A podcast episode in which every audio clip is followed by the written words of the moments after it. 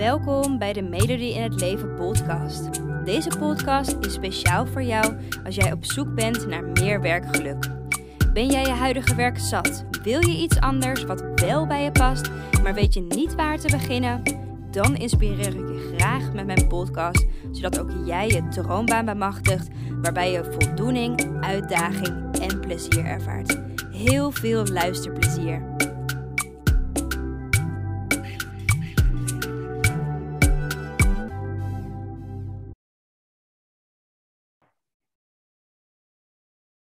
Oké, super leuk dat je weer luistert naar een nieuwe podcast. En vandaag is het toch wel een hele bijzondere podcast. Ik ben vandaag allereerst niet alleen bij de podcast. Imelda is bij mij. Ehm, maar voor mij is dit toch wel een soort van uh, een feestje vandaag. Imelda en ik kennen elkaar namelijk inmiddels, volgens mij is het 12 jaar, 13 jaar, echt heel lang in ieder geval. Ik werkte in de horeca als uh, 15, 16-jarige meisje en zij uh, nou ja, gaf daar sportlessen. Elke vrijdagavond was het feest. Dus vandaag is het ook echt een feestje om haar erbij te hebben. Um, goede introductie. Imelda, wil je jezelf nog even voorstellen? Wie ben je en nou ja, wat doe je nu eigenlijk? ja, wat wil je weten? Nee hoor. Uh, nou ja, mijn naam is uh, Imelda Grootjes. Um, ik ben ik ben gestart natuurlijk, jou kennende, in uh, sportschool. Als uh, ja, uh, sportinstructrice, dat deed ik erbij. En ik was eigenlijk operatieassistente. En um, daarna ben ik met operatieassistenten gaan stoppen. En ben ik wel in het ziekenhuis gaan werken. En als polykliniekassistente. En van daaruit ben ik daar weer op een ja, soort van, um, hoe noem je dat, dagbehandeling beland. En op een gegeven moment uh, gaat het niet meer vanwege de gezondheidsredenen. En toen moest ik gaan switchen. En toen ben ik een carrière switch gaan maken. En nu ben ik eigenlijk audiciën in opleiding en bijna klaar. Top! Dat is heel kort, hè? Ja, dat is heel kort. want um, als ik het goed begrijp, hè, want je, je werkt natuurlijk, hoe ik jou ken, hè, werkt natuurlijk in de sportschool en uh, was je operatieassistent. En ik hoorde je eigenlijk zeggen op, um, op het begin al van dat je toen in het ziekenhuis zelf al een switch hebt gemaakt. Ja. Um, wat maakte voor jou dat je toen die switch in het ziekenhuis al gemaakt had? Als operatieassistent moet je, heb je onregelmatige diensten. Ja. En voor mij, ik wilde echt van mijn hobby en mijn passie, wilde ook mijn werk maken. Dat was sportschool. Ja. Dat combineren betekende dat voor mij minder diensten te gaan draaien. En hoe kan je dat dan doen? Door een switch te maken, door toch iets te gaan doen wat je leuk vindt. Ja. En dat was dan op de polyurologie in het IJsland ziekenhuis in Rotterdam. En uiteindelijk ben ik beland op de, ja, op de behandelkamer. En dan deden wij gewoon op de dag ook uh, verschillende ingrepen wat wij op de operatiekamer ook deden. Althans in een ander ziekenhuis. Dus ik bleef een beetje bij het vak. En ik ben natuurlijk ook als doktersassistent begonnen ergens, ooit, if way back. Ja. En um, ja, dat is gewoon weer terug waar je begonnen bent. Dat vond ik ook wel echt heel erg leuk. Ja. En weet je, ik vind als je werk gaat doen en gaat keuze maken, dan moet je vooral kijken van wat vind jij leuk? En wat kan jij? Dat is heel belangrijk. Ja. Want als je in een werk gaat zitten waar je heel veel over na moet denken en wat je niet leuk gaat vinden, ja, dan is het gewoon heel erg elke dag heel erg moeizaam op te staan om naar je werk te gaan en je motivatie te vinden. Ja. En omdat ik juist koos om ergens te gaan zitten wat ik ontzettend leuk vond en wat voor mij ook uitdagend was, dat was voor mij ook nog heel erg belangrijk, ja. ben ik zo terechtgekomen toen in, in Rotterdam. Ja. ja, precies. Dus het was eigenlijk, je wist van jezelf, ik vind het super belangrijk om sport te doen. Dus die vrijheid van, nou ja, vaste dienst hebben, geen onregelmatigheid, was voor jou echt wel, wat ik hoor, een soort van de belangrijkste reden. Plus een stukje, hè, het vak is leuk en de uitdaging die ik ervan krijg. Ja, ja correct. Ja. En natuurlijk ook toekom toekomstgericht. Ik bedoel, je vindt een man, je gaat trouwen. En ja, wie weet, weet je, kinderen is altijd krijgen. Dat is altijd een wonder als het zou gebeuren. Dus je gaat een beetje toekomstgericht kijken. Ja, precies. En dat is dan ook iets wat ik dan samen met mijn man besprook of besprak. En um, ja, hij vond het eigenlijk wel een prima idee. Ja, precies. Ja. ja. En je blijft fit. Ja, precies. In de sportschool je blijft ook fit, ook belangrijk natuurlijk. Ja. hey, en um, hè, dit, dit, werk wat je hè, qua sportschool en uh, nou ja, in het ziekenhuis, dat doe je nu niet meer, begrijp ik. Nee. Wil je um, wat meer vertellen over hoe dat proces is gegaan? Ja. Um, ik, ik heb eigenlijk al leven lang astma. Uh, alleen was de vraag van, nou, wat voor soort astma? Je hebt verschillende soorten astma's. En omdat ik sportte, had ik altijd zoiets van, ja, ik heb wel astma, maar ik kan gewoon alles nog doen. Bij mij is niks aan de hand, bij mij is prima, ik neem een puffje en het is, het is goed. Tot op een gegeven moment op mijn werk ik een enorme aanval kreeg. En toen ben ik naar huis gegaan. En toen is het eigenlijk ook wel een beetje het balletje gaan rollen. Heb ik heel veel aanvallen in de nacht gehad. En ben ik ja, best wel heel erg geschrokken. En mijn man die is ook heel erg geschrokken. En elke keer als ik op de EHBO kwam, moest ik in het ziekenhuis blijven. Hmm. En uiteindelijk is het, ja, ehm, sorry als ik de tijden een beetje, ik, ben de tijden vergeten, maar ik geloof drie jaar geleden, uh, dat was echt wel een dip geweest in mijn gezondheid. Ja. Dat merkte ik ook in de sportschool, kreeg het continu meer benauwd. En ook met de lesgeven, en het lukte niet meer. En een puffje hier en een puffje daar, en dan ging je weer door. Ja. En uiteindelijk beland je het ziekenhuis in bed, bed legerig, je kan niks meer, je kan niet meer lopen, je kan niet meer praten, je zit aan het zuurstof, of je ligt eigenlijk aan het zuurstof. Ja. Van een, iemand die super actief is naar iemand die helemaal niks meer kan. Ja. Want ik kan me nog goed herinneren, het was op een woensdagavond, had ik bodypump gegeven, body combat gegeven en ik gaf toen nog body balance. Ja. En toen donderdag lag ik in het ziekenhuis. Oh. Helemaal niks meer. Nou, het ziekenhuis ook van, nou ja, uh, we kijken het wel aan. Maar ja, toen ging ik werken weer, want het ging weer een tijdje goed. Ik was uit het ziekenhuis ontslagen, dan ga je werken. Toen ging het weer niet goed. Ja, ik was overal ja, gevoelig voor, voor, voor het klimaat, uh, beheersing in het ziekenhuis kon ik al niet meer goed tegen. Ik kon niet meer tegen de buitenlucht. Ja. ja, dan ga je afvragen van, ja, hoe, dat hou ik niet meer vol. Nou, en het langste wat ik toen in die periode in het ziekenhuis heb gelegen is, gelegen, is vier weken. Dus echt een maand. Ja. En dan ga je over nadenken en dan ga je op een gegeven moment aan de longarts vragen van, goh, hey, dokter, wat kunnen we nou nog doen? Ik, ik, ik wil dit leven niet. Dit is niet wat, zoals ik het in gedachten had. Ja. En uiteindelijk uh, ja, hebben we besloten om naar de revalidatie te gaan, om mij naar de revalidatie te sturen. En al vrij snel na een half jaar, toen ik ontslagen ben, na een half jaar kon ik eigenlijk al in terecht. terecht. Dus toen ben ik begonnen, geloof ik in januari, wat is het, 2018? Mhm. Ja, en daar heb ik een intensief traject gevolgd. Maar, maar ook met het gevolg dat het ziekenhuis, je bent op een gegeven moment wel twee jaar ziek, ook dan heb je vast contract. Ja, wat ga je doen? Ja. Wil jij nog terug op de werkvloer? Maar dat was gewoon niet meer haalbaar. Ja. En dat heb ik ook geleerd bij de revalidatie, dat dat gewoon niet meer haalbaar was. Ja. ja, wat ga je dan doen? Je kan niet meer terug naar de sportschool. Dat wil je eigenlijk wel. Ja. Maar ja, dat is ook je lust en je leven. Ja. ja, dan ga je keuzes maken. Ga je opofferingen doen. En dat is wel heel erg zwaar geweest. Daar heb ik ook wel echt wel hulp bij gehad. Ook psychische hulp. Want ik accepteerde het nog steeds niet. Toen de tijd. Nu wel iets meer. Ja. Uiteindelijk hebben we gekozen of, uh, ja, via een, een coach, een jobcoach, uh, te gaan kijken voor ander werk waar, wat eventueel ook in mijn straat ligt. Het is wel een heel traject geweest. Ja. Maar uh, je gaat wel eerst leren te accepteren in de situatie waarin je zit. Ja, precies. En op het moment dat je dat pas accepteert, accepteer je ook eigenlijk in hoeverre jouw situatie eigenlijk is. Want voor iedereen is het natuurlijk persoonlijk. Ja. En dat was wel heel, heel bijzonder, die switch in mijn, in mijn mind, weet je wel, in mijn gedachten. Ja. En uiteindelijk ga je weer een beetje in, ja, omhoog lopen. De, einde van de tunnel zie je een beetje, je ziet het licht. Ja. En dan ga je kijken van, ja, wat ga je doen? En een jobcoach biedt je bepaalde dingen aan. Nou, ik dacht van, nou, ik ga alles grijpen wat ik kan. Ik ga gewoon om me heen kijken. Ja. Nou, ik ben zelf heel slecht horend, dus ik heb ook twee hoortoestellen. En ik dacht, ja, wat kan ik nog meer? En toen uh, zag ik een een advertentie. Ja, dat was echt heel grappig. bij, uh, bij een grote keten. Ik, ik, hou, ik hou me wel even in met de naam.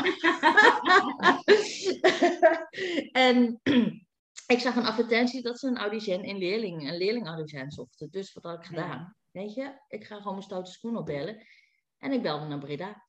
Ja. En ik Oh, kreeg een man aan de lijn. En hij was eigenlijk helemaal flabbergasted dat ik gewoon mijn stoute schoen had aangetrokken. En dat ik vroeg, hebben jullie nog plek? Want ik zag die advertentie. Ja. En toen zei hij, nee, dat, dat heb ik niet. Maar hij zegt, ik vind het gesprek zo fijn. Want hij ging eigenlijk een soort telefonisch al een sollicitatie eh, Oh, ja. ronde doen. Hij zegt, nou, ik zo'n leuk gesprek, maar ik ga jou doorgeven aan P&O. Ja. PZ, hoe heet dat tegenwoordig? En ze gaan je terugbellen. Dus ik denk, nou, het zal wel. Ik ben jobcoach gemaild. Ik zeg, Jan, luister, dit dit heb ik gedaan. Wat vind je ervan? Hij zegt, nou, meen je? Ik zeg, ja, ik heb gewoon gebeld. En nu? Ik zeg, ja, afwachten. En meteen die middag kreeg ik eigenlijk al bericht vanuit ja, het werk waar ik nou zit. Ja. En ehm, ze zei van, nou, ik kom vrijdag bij je terug, want ik heb misschien een plek voor jou in Hilversum. Dat is voor jou dichterbij. Ja. Ja. Dus ik zeg, nou, eh, prima. Maar ik, weet, ik wist ook echt niet waar ik aan zou beginnen. Want ja, eh, nog in mijn achterhoofd dat ik ook weer terug naar de sportschool zou komen. Dat ik ook nog weer bepaalde oude dingen zou op kunnen pakken. Dus het was dat stukje acceptatie was er nog niet helemaal. Maar wel Ja. alvast het vooruitkijken en alvast weer nieuwe uitdagingen aangaan. Ja. Op een gegeven moment eh, krijg je vrijdags een berichtje. Ja, je kan op gesprek komen. Oh, Ja. gaaf. Ja. dus ik op december, in december eh, op gesprek geweest. En ja, het was nog allemaal wel heel erg spannend, want er was nog een kandidaat. eh, maar ik kreeg eh, twee weken daarna meteen te horen dat ik was aangenomen. Oh, wat super. Ja. Ja. En er werd ook echt gevraagd, weet je wat het vak inhoudt? Ik zeg, nou, ik ben zelf een ervaringsdeskundige, maar wat het vak inhoudt, nee, absoluut niet. maar weet je, ik Ja. sta overal voor open. En ik denk juist met mijn ervaringen dat ik misschien juist wel een, ja, een, een eh, hoe zeg je dat, een bijdrage kan leveren aan het Ja. vak. Ja, Dus zodoende ben ik sinds januari eh, geswitcht. Ja. gaaf. Hey, wat me allereerst heel erg opviel in je verhaal, is dat je zei van hè, dat het op het begin gewoon heel erg lastig was om te accepteren wat nou eigenlijk je situatie is. Ja. En ik denk dat voor heel veel eh, meiden of dames hè, die nu ook luisteren, dat het wel heel erg herkenbaar is. Hè? Of je nou, eh, hè, zoals jou eigenlijk nou ziek wordt of letterlijk lichamelijk het niet meer kan uitvoeren. Of in een burn-out terechtkomt. Of ehm, met zoveel tegenzin en buikpijn naar je werk gaat. Ja, ik denk dat voor iedereen die ja, in zo'n soort situatie terechtkomt, dat het heel erg belangrijk is om eerst echt te kijken van, oké, maar wat is nou die huidige situatie? En wat je ook heel erg mooi zei, van, en dat accepteren hoe dat zo is, hoe moeilijk dat ook is. Want eigenlijk wil je dat niet, want hè, het is beter om je werk te houden en daar blij in te zijn en dat het allemaal goed gaat. Dus we houden een soort van valse hoop. Maar ik vind het wel heel erg mooi dat je dat zo zei, van, dat het echt eerst een acceptatieproces was van, oké, het is niet zoals ik gehoopt had. Ehm, ja, zo is het nou eenmaal. Ja, ja, Ja. klopt ook. Is ook zo. Alleen het is natuurlijk, ja, het klinkt nu allemaal heel makkelijk en heel eenvoudig. Ja, Van A naar B en het is zeker. Maar dat is het niet. Het is echt een heel proces. En bij de ene gaat het wat sneller dan bij de andere. Maar het, het belangrijkste wat ze bij mij hebben gedaan, is me echt geconfronteerd met wat zou er gebeuren als je zo doorgaat. ja precies. Ja, Kijk, en bij mij was het best wel heftig. Bij mij werd op een gegeven moment gezegd, ik moest bij de longarts komen in het revalidatie, want je hebt dan een bepaald behandelteam. En ze zegt tegen mij, nou, we hebben je resultaten gezien. En wat je eigenlijk hebt gedaan, is eigenlijk een burn-out met je lichaam. Omdat je Ah, continu door bent gegaan, dus je lichaam is helemaal uitgeput. Ik zeg, ja, oké, maar ja, een beetje rust en dan kan je weer verder. ja, Mij kennende. ja. En toen zegt ze, oké, nou prima. Nou, wat ik dan ook moest doen, was dan zeg maar met sportactiviteiten, ging ik echt volop erin. Ik, oh, badminton, ja, competitief bezig zijn. Ja, oh, basketballen, competitief. En daarna lag ik met een aanval op mijn kamer. ja. Dus Ja. de longarts die kwam weer naar me toe. En toen zei ze van, nou, wat heb je geleerd? Nou, en in het begin had, ik- had ik het helemaal niet door waar ze naartoe wilden. Ik denk van, ja, Ja. wat is het allemaal voor onzin? En uiteindelijk zei ze van, nou, kijk, dit zijn de resultaten. Dit is wat jij nu aan het doen bent. Ja, Ze zegt, als jij zo doorgaat, haal jij een jaar niet. ja, En dat was echt confronterend. Want ik was juist iemand die juist was het proberen en het opbloeien. Probeer te vechten voor je leven, omdat je bijna in het ziekenhuis ook op een draadje hing, zeg maar, zijdendraadje. En ik dacht van nee, nee. En weet je, en voor mij was geloof natuurlijk ook nog een party meespeelde. Dus voor mij ook heel belangrijk dat ik ben juist alles aan het opbouwen. Ja. Dat ga ik niet accepteren. Nee, dat, dat, dat, uh, daar ga ik niet mee akkoord. Dus dat was voor mij en een, een behoorlijke switch met de gedachte dat ze dat zei. Ja. En ook de spiegel die ze mij daarvoor hielden. En ja, ja uiteindelijk eh, ga je dingen echt wel inzien. Ik bedoel, als je dat niet. Ja, dat is misschien iets wat ik nu heel erg rechtuit zeg. Je kent mij. Als je dat niet inziet, dan denk ik van ja, haal die plaat voor je hoofd. Ja. Want er is meer uit het leven te halen. Ja. Weet je, eh, we zijn allemaal prachtige personen. En weet je, dat is gewoon heel belangrijk om dat te realiseren hoe mooi en prachtig jij wel niet bent. Ja, precies. En jezelf accepteren, jezelf dingen in vergeven, dat is, dat is echt, ja, dat is mijn behoorlijk proces geweest. Ja. ja, ja. Maar eigenlijk wat ik je hoor zeggen is dat je dus heel erg de vraag hebt gekregen van, oké, wat gaat er gebeuren als je zo doorgaat? Maar ook echt wel iemand anders die dus een spiegel heeft voorgehouden, iemand anders die jou echt daarmee geconfronteerd heeft. Omdat jij zelf gewoon zoiets dacht van, nou ja, even een beetje rusten en uh, het komt wel weer goed daarna. Dus een ja. beetje die, die ja, hoop houden. Ja. Ja. ja, klopt. En het is ook wel best confronterend op een gegeven moment als jij dan zes keer moet gaan vernevelen, terwijl je elke dag drie uur of twee uur sportles gaf, bijna elke dag. Ja. op een gegeven moment was ik op de zondag dan gestopt en dat had ook mijn reden daarvoor. Maar op een gegeven moment zit je in een revalidatie. Zit je zes keer per dag te vernevelen. Zit je puffjes zes keer per dag in te nemen met alle medicaties. Dat je denkt van, oké, weet je, dat kan gewoon zo niet. Ik kan op het moment niet afkomen, omdat dat gewoon mijn hulpmiddel is. Maar dan ben ik toch stom, als ik al amper een trap op kan lopen, dat ik dan nou weer sportles ga geven. Ja, precies. Ja. En dat was, dat was heftig. Ik bedoel, ik heb huilend heb ik uh, uh, met onze manager uh, gepraat. Ja, ja, dat was echt wel heftig. En dan was ook nog in de coronatijd, dus je kon elkaar ook niet zien. Dus, oh ja, ja, precies. En hoe, is dat, hoe is dat dan gegaan van dat proces van hè, accepteren van oké, okay, dit is niet hoe ik het wil, maar het is niet eenmaal anders naar, hé, ik ga dus een stap naar iets anders zetten? Ik ben niet iemand die bij de pakken neerzet. Ik, ik ben wel iemand die, oké, ik, ik heb heel even een heel klein zielig egoïstisch momentje gehad op mijn kamertje, huilend en uh, uh, huilend biddend, weet ik veel wat, op mijn kamertje zielig van, oh, ben ik zielig en uh, ja, dat, dat, is, heeft toch geen zin meer.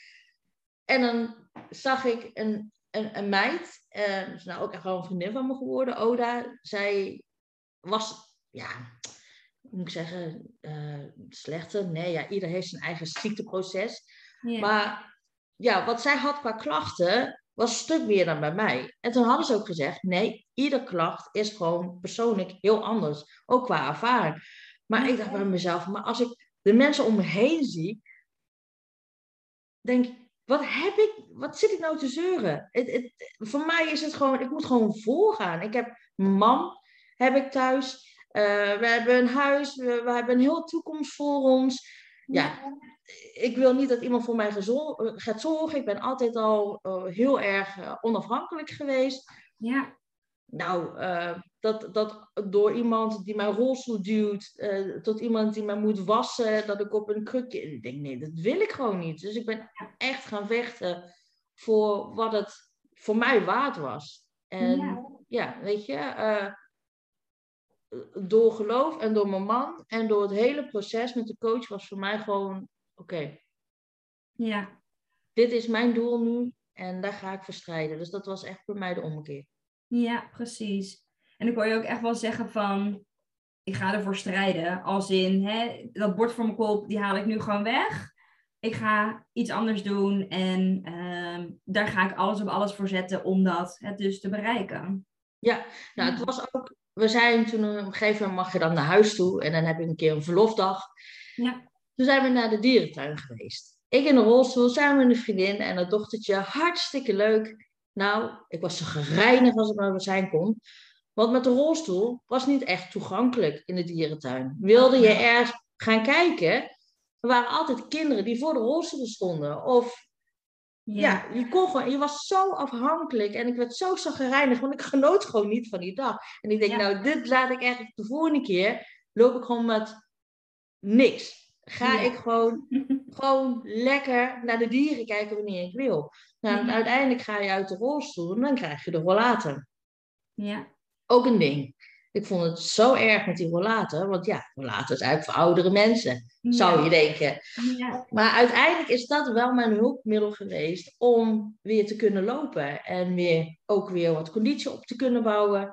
Dus ook dat stukje accepteren was uh, ook wel weer heel erg moeilijk. Heb ik echt wel met een psycholoog moeten doen. Want um, ik zelf, dat zou, het zou het niet gaan worden. En zij heeft me echt wel geholpen met... Wat is er nou zo erg in de situatie dat jij zit? Wil je gewoon weer bedlegerig zijn en heel erg afhankelijk van mensen zijn? Ja. Of dat stukje vrij nemen en lekker met je rollator naar buiten kunnen. En al is het maar aan het einde van van de stoep te lopen en weer terug. Maar je bent buiten geweest. Nou, en uiteindelijk had ik echt zoiets van, ja, nee, die keuze is voor mij heel belangrijk. Ik ga inderdaad een switch maken, ook in mijn mind. De relatie gaat overal mee naartoe. Ja, ja, mooi. Ja. Dus het is echt een, is echt een switch in je mind geweest. Ja. En ja. Ehm, dan kon je zeggen van, hè, dan, dan, dan maak ik die keuze. Hoe maak jij over het algemeen keuzes? Uh, hoe bedoel je? Gewoon random in het leven. Hè? Bijvoorbeeld, um, doe je dat rationeel? Doe je dat op gevoel? Um, ja, hoe maak je keuzes? hoe maak ik keuze? Ja, veel dingen ook wel op gevoel. Zeker. Ik overleg ook wel veel met mijn man. Want uiteindelijk ben je nu met z'n tweeën. Ja dat was ook wel een dingetje waar ik heel erg aan moest wennen. Dat je dat niet meer alleen met, met z'n tweeën bent. Ja. En juist als je eenzelfde doel hebt in het leven met, met je man, dan uh, is het keuze maken. Je gaat uh, meer keuze maken gezamenlijk. Ja. Kijk, er zijn ook natuurlijk nog wel dingen die ik zelf bepaal. Bijvoorbeeld met het werk of uh, ja, um, ik ga naar een vriendin toe. Ik bedoel, dat hoeft mijn man niet te bepalen of ik ga ja of nee. maar echt de, ja, de dingen die je samen doet, als in een huwelijk, ja, dat is gewoon belangrijk dat je daar samen de keuze in maakt. Ja. Maar de keuzes die je maakt, ik vind nog steeds dat je daar. Ik denk er wel over na. En ik denk ook wel eens van: oké, als ik een bepaalde keuze maak, wat zou er kunnen gebeuren? Maar ook dat heb ik wel een beetje weer afgeleerd tijdens mijn traject omdat je ook vaak de kans hebt om weer op de weg te zien. Juist, ja. En dat kan je ook weer een blokkade geven door verder te groeien. Ja, mooi dat je dat zegt, want dat is iets wat ik zelf heel erg vaak zie. Hè, bij, bij meiden die hun werk eh, nu niet meer fijn vinden en eigenlijk iets anders willen doen. Hè, maar dan dus weer op de weg zien als, ja, maar hè, financiële zekerheid. Of uh, ik vraag de mening van mijn man of van mijn partner. Wat als die het er niet mee eens is? Of mijn ouders. En dat zijn allemaal van die beren op de weg, waardoor je nou ja, misschien uiteindelijk zo'n stap wel niet neemt. Terwijl die wel voor jou als persoon heel erg goed is. Ja, ja het, het is echt. Waar, waar wil jij naartoe? Is het jouw, jouw geluk? En als jij gelukkig bent, kan je dat in je huwelijk ook. Kun jullie samen gelukkig zijn? Ja. Of blijf je degene die elke keer net niet net wel, net niet. Weet je wel, dat, dat moment dat je dan gewoon, um, ach, ja, hoe zeg je dat? Achter net, uh, hoe, hoe, gaat die gezegd ook alweer? ik weet niet welk gezegd je bedoelt. ik denk ook niet dat ik het echt kan noemen, dus dat is... maar in ieder geval, uh, dat, ja, dat je gewoon spijt hebt dat je iets dadelijk niet gedaan hebt. Ja, ja, precies. En ik weet, eh, toen mijn schoonmoeder nog leefde, en mijn schoonmoeder was echt dus, ja, gewoon een, mijn moeder eigenlijk, want die ging overal naartoe. Ja. Met mij samen, uh, ook in het ziekenhuis, ze ging altijd met me mee. En zij heeft ooit tegen mij gezegd, want ik was altijd heel erg van uh, dat perfectionisme, maar ook een controlfreak. Ja. En als er iets niet ging zoals ik dacht dat het zou moeten gaan, ja, dan, dan dat, dat, dat ging je me hier niet uh, in mijn bovenkamer. Ja. En toen heeft zij ooit tegen mij gezegd, Imelda, het kan ook anders. Ja, mooi. En weet je, met die gedachte van het kan ook anders, dat heeft ze mij toen de tijd zo vaak gezegd. Ja. Ja, dat zijn allemaal, al is het voor iemand die zin niet veel voor betekenis, voor mij was dat op dat moment echt heel veel betekenis. Ja, het kan ook anders. Ja, En wat ze ook tegen mij zei, Nivea e-mailde. En ik denk, Nivea? Niet, indenken, niet invullen voor een ander. ja, ja, precies. Ja, Dus dat was echt, ja, dat waren wijze woorden van haar. En dat waren echt hele mooie dingen. Dat ik dacht van, ja, ja, ja, mooi. Hey, en hoe heb jij uiteindelijk en dan de keuze te, gemaakt om nou ja, te gaan doen wat je nu doet? Want je, vertelde natuurlijk wel van, hè, ik zag die advertentie en ik heb gewoon gebeld. En hè, toen liep dat allemaal zo door en nu sta je waar je nu staat. Ehm, maar is daar een moment voor geweest van, oké, dit, dit vind ik interessant? Of ja, je maakt niet zomaar een keuze natuurlijk. nee. Wat ik bij de revalidatie echt heel veel, dat ben ik, ben ik hun echt zo dankbaar voor.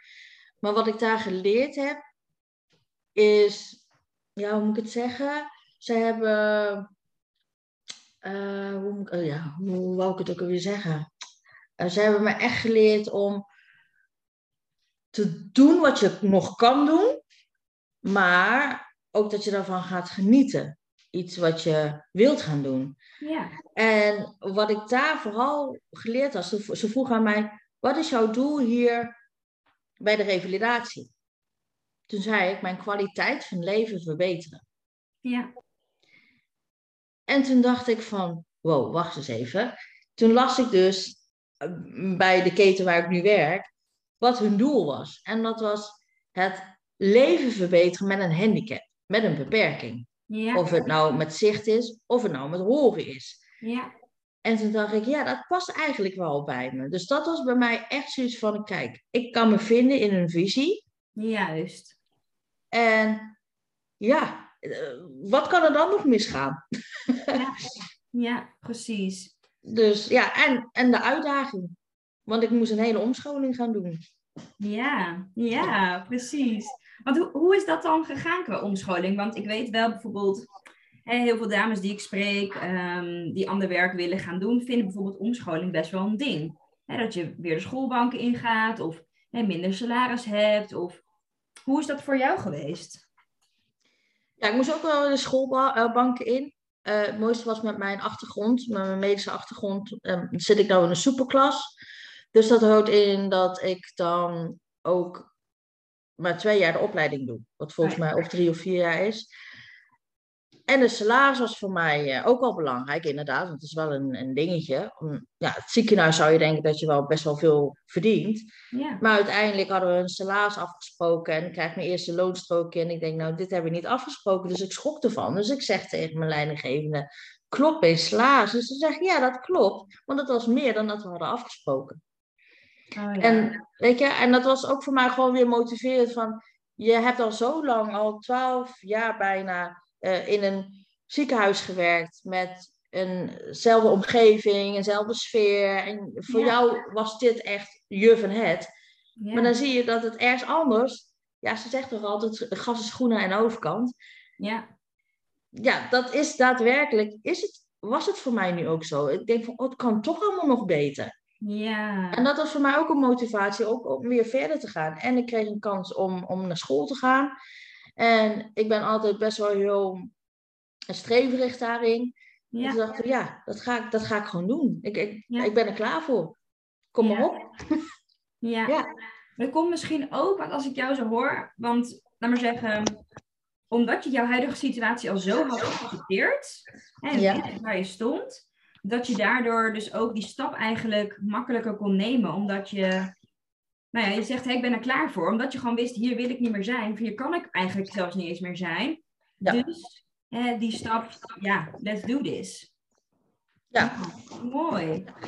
Hey, en heb jij tips voor, voor meiden die net als jou ook echt wel een stap willen nemen? Hè? Dus die gewoon klaar zijn met hun huidige situatie, maar die het nog spannend vinden, hè? of dus nog beren op de weg zien, om zo'n stap te gaan nemen. Hè? Dus bijvoorbeeld met school of met financiën. Of... Ja, heb je daar tips voor? Ten eerste zou ik zeggen, wat wil jij?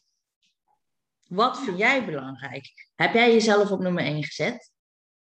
Ja. Of zet je nog steeds andere mensen vooraan in plaats van jezelf? Dus kijk eerst gewoon wat jij wilt. ja. Dat is gewoon heel belangrijk. En kijk wat je kan. En soms kunnen wij meer dan dat we denken. En probeer uit, uit je comfortzone te stappen. Dat is zo belangrijk. Want soms is het juist uit je of comfortzone te stappen. Ga je, ja, heb je veel bredere. eh, ja, kijk je naar de dingen, ga je, heb je veel meer eh, keuzes wat je nog kan doen. ja. Kijk, wat ook met die jobcoach, dan ga je, ga je kiezen en dan ga je een, een, een, een test doen. En daarin komen wat keuzes uit waarin je misschien als beroep kan gaan doen. ja. Maar je moet gewoon bij jezelf eh, denken. ehm, ja, ik, eh, wat kan ik? Wat kan ik nog meer? Wat staat er nog meer in? ja. Dus dat is gewoon heel eh, belangrijk. moet je even anders meenemen. ja. Maar dat is even belangrijk dat je, ja, dat je die keuze echt gaat maken voor jezelf. Ja. Ja. precies. En jezelf dus op nummer 1 gaat zetten. Ja, zeker. Zeker. Zeker jezelf op nummer 1 zetten en weten eh, dat je het ook kan. Ja, ja, ja, precies. En ehm, wat, voor, wat voor tips heb je voor meiden die, hè, die, die zichzelf wel op nummer 1 al hebben gezet en die echt zoiets hebben van ik ben er klaar voor om een stap te nemen, maar gewoon niet zo goed weten ehm, ja, wat dan bij hen past? Maak een lijst. Wat vind je leuk? Dat is, dat Ja. is belangrijk. Maak een lijst. Wat vind je leuk? En maak een lijst. eh, gewoon schrijf alles op. Maakt niet uit wat het is. Al is het van naaister tot eh, ballerina. Ja, gewoon iets van wat je in je jeugd ook denkt van, oh ja, dat is het echt. Ja, En dan daarna ga je gewoon realistisch ernaar kijken. Wat is haalbaar? ja, Wat kan ik? Wat, niet alleen maar wat kan ik, maar misschien kan je nog niet. Vind je leuk. Maar zou het misschien ook wel een optie kunnen zijn? ja, ja. Kijken wat er nodig is vervolgens om het haalbaar te maken. Juist. Dus. Ja. En soms heb je al de capaciteiten zonder dat je het weet. En soms heb je al de dingen gedaan zonder dat je weet dat je dat nodig daarvoor dat, dat je dat daarvoor nodig had. Ja, mooi dat je dat zo zegt, ja. Ja, Ja, dat geloof ik ook echt. Heel vaak zien we onze eigen capaciteiten helemaal niet, of onze eigen ervaringen helemaal niet. Nee, Ja. nee, precies.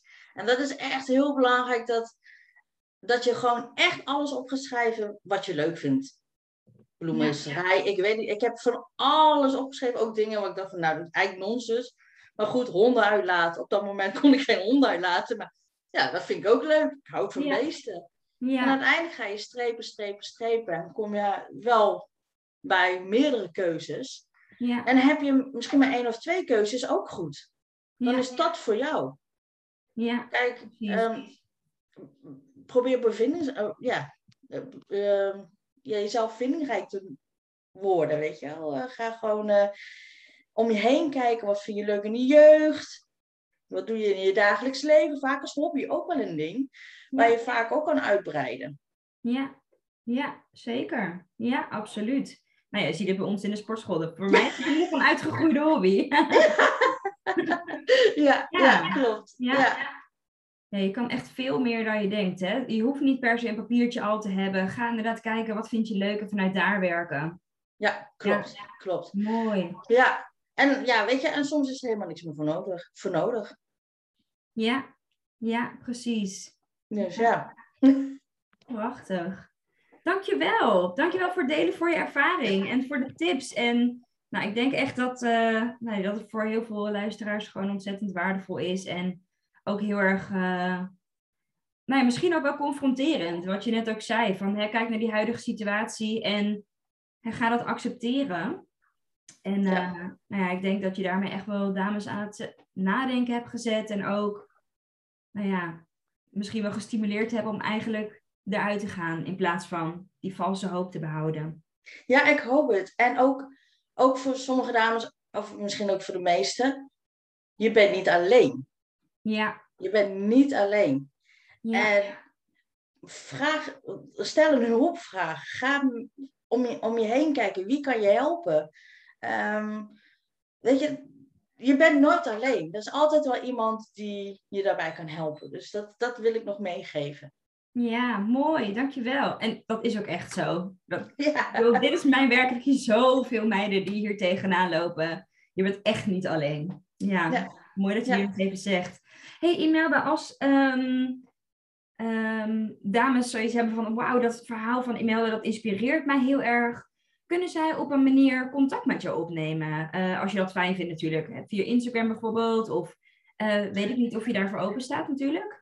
Tuurlijk, tuurlijk. Ik heb wel een Instagram ook. Ik heb ook een Facebook. Ze kunnen mij op Messenger. Uh, als je gewoon e-mail gootjes intoetst, dan uh, zie je mij ook. Ja. Dus uh, ja, ik, ik heb gewoon andere activiteiten gevonden wat het, waar, ik, waar ik nu mee bezig ben.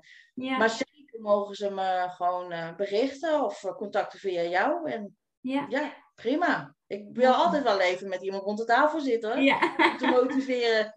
Ja, super. Nou, dat kan je ook hartstikke goed. Fantastisch. hey, nogmaals dankjewel. Um, en uh, voor de luisteraars, bedankt voor het luisteren. En uh, nou ja, tot een volgende podcast. Dankjewel voor het luisteren. Ik hoop dat ik je heb mogen inspireren om jouw droombaan achterna te gaan, waarbij je meer voldoening, uitdaging en plezier ervaart. En elke woensdag staat er een nieuwe podcast online, dus hou dit vooral in de gaten. En wil je vaker tips en inspiratie ontvangen? Volg mij dan ook op Instagram onder de naam van Melody in het Leven en ik help je graag verder. Fijne dag!